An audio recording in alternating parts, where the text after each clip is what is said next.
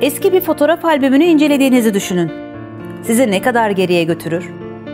Şimdi gözlerinizi kapatın ve Cumhuriyet'in ilk yıllarının o muhteşem İstanbul'unu düşünün. Yeşil, modern ve bakir. O günlerde dönemin sosyal ve ekonomik yapısı nasıldı? Kültürel kimliği, kadın erkek ilişkileri, giyim kuşam ve moda algısı bugüne benziyor muydu? Tüm bu soruların cevapları üç kuşak İstanbullu olan Hristof ailesinin gözünden belgelerle bu videoda.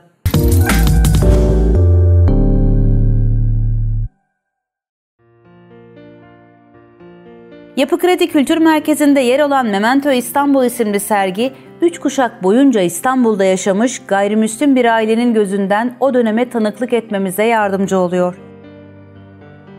Yüzyıla yayılan üç kuşak ailenin Cumhuriyet tarihinin erken yıllarını konu olan serüveni 1960'lı yıllara kadar uzanıyor. Hem anne hem de baba tarafından Balkan Savaşları sonucunda İstanbul'a yerleşen aile zorunlu göç sonucunda muhacir oluyor. İstanbul'da kendilerini yeniden yaratmak ve barınmak zorunda kalıyor. Fener'de Demir Kilise olarak tanınan Sveti Stefan Kilisesi Bulgarlarla bağdaştırılıyor ve bir zamanların azınlık topluluğunun göstergesi olarak biliniyor. 1923 yılında İstanbul'da sadece 4 Bulgar okulu ve 4 Bulgar kilisesi vardı. 800 bin nüfusu olan şehirde o dönem 20 bin Bulgar yaşıyordu. Hristof ailesinin fotoğraf albümünde o dönemi anlatan pek çok kare var. Fotoğraflar aynı zamanda Cumhuriyet'in iş gücünün modernliğini de günümüze yansıtıyor. Biraz aileyi tanıyalım. Hayata yoksulluk içinde başlayan Peter Dimiter Hristov, küçük yaşta yetim kalmasının ardından bir çiftçi ailesinin yanına yerleşiyor. Gençlik yıllarına kadar ismi olmadığı için bahçeci çocuk olarak tanınıyor. Daha sonra Hristov ve Dimitri isimlerini alıyor.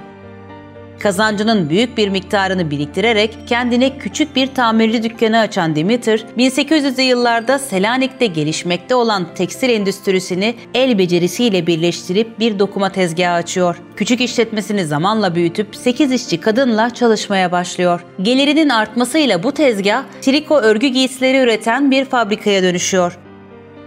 Balkanlardaki ilk çorap fabrikası Schaufhaus işte bu şekilde doğuyor.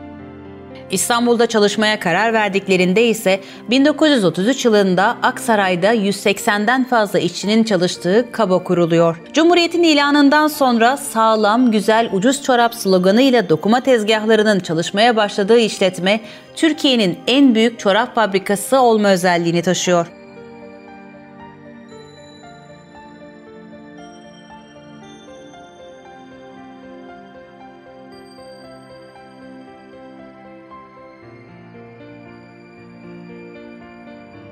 Peter Dimitri Hristof'un fotoğraflarından özellikle en çarpıcı olanı Taksim Meydanı'nda anıt heykelin görüntülendiği fotoğraf. O gün Atatürk'ün cenazesinin kaldırıldığı gün. Taksim Meydanı'ndaki anıt heykelde askerler saygı duruşundalar. Heykelin altı çelenklerle donatılmış. Hristof arşivinde kadın fotoğraflarına sıklıkla rastlanıyor. Kadınlar kimi zaman yalnız, kimi zaman da küçük gruplar halindeler. Üniversiteli genç kızlar inanılmaz şık ve erkeklerle aynı sınıfları paylaşıyor. Kızlar ağaç tepelerinde gülüyor, at biniyor, bisiklet turu yapıyor. Ve tabii ki düğün fotoğrafları var. Yüzlerinde kocaman gülümsemelerle o güzel insanlar dans ediyor, eğleniyor. Aile grup fotoğraflarının vazgeçilmesi ise çocuklar. Kimi zaman tüm kareyi tek başlarına doldurabiliyorlar.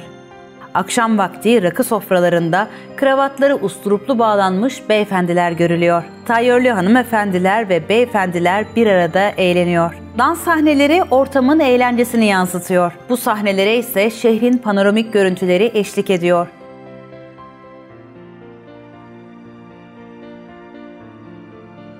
Sahil fotoğrafları ve halk plajları bir zamanlar Marmara Denizi'nde yüzmenin aslında günlük bir ritüel olduğunu hatırlatıyor. Birçok fotoğrafta doğası bozulmamış, el değmemiş araziler görülüyor. Kristof ailesi aslında bugün göremediğimiz ya da tanınmayacak durumda olan İstanbul'un fotoğrafını çekiyor o günlerde ve belgeliyor.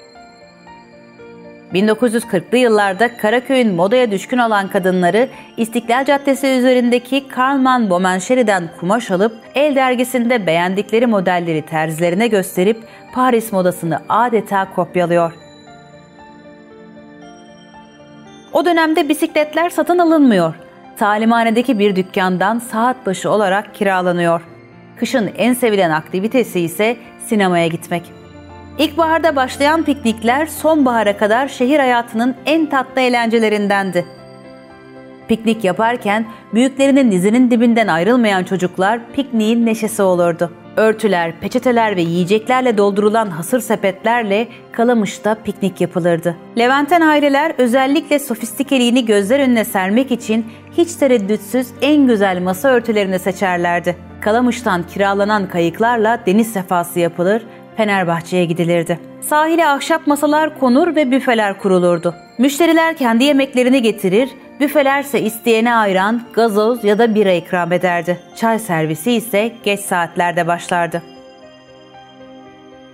Peter Hristoff'un baba tarafından dedesinin yoksulluk içinde kimliksiz ve yetim başlayan hayatı Sofya Güzel Sanatlar Akademisi'nde öğrenim görmesiyle devam etti. Üç kuşak ressam olan aile arasındaki mektuplar, kartpostallar ve fotoğraflar arşivlendi ve bugünlere taşındı. Bu fotoğraflar kimi zaman hüzünlü, kimi zaman da boğaz havası esen üç kuşak İstanbul'u anlatıyor. Gözlerde canlanan o dönemin İstanbul'una bazen Balat'taki demir kiliseden yükselen çan sesi, bazen de bir çorap fabrikasının penceresinden avluya yayılan dokuma tezgahının tıkırtısı ekleniyor.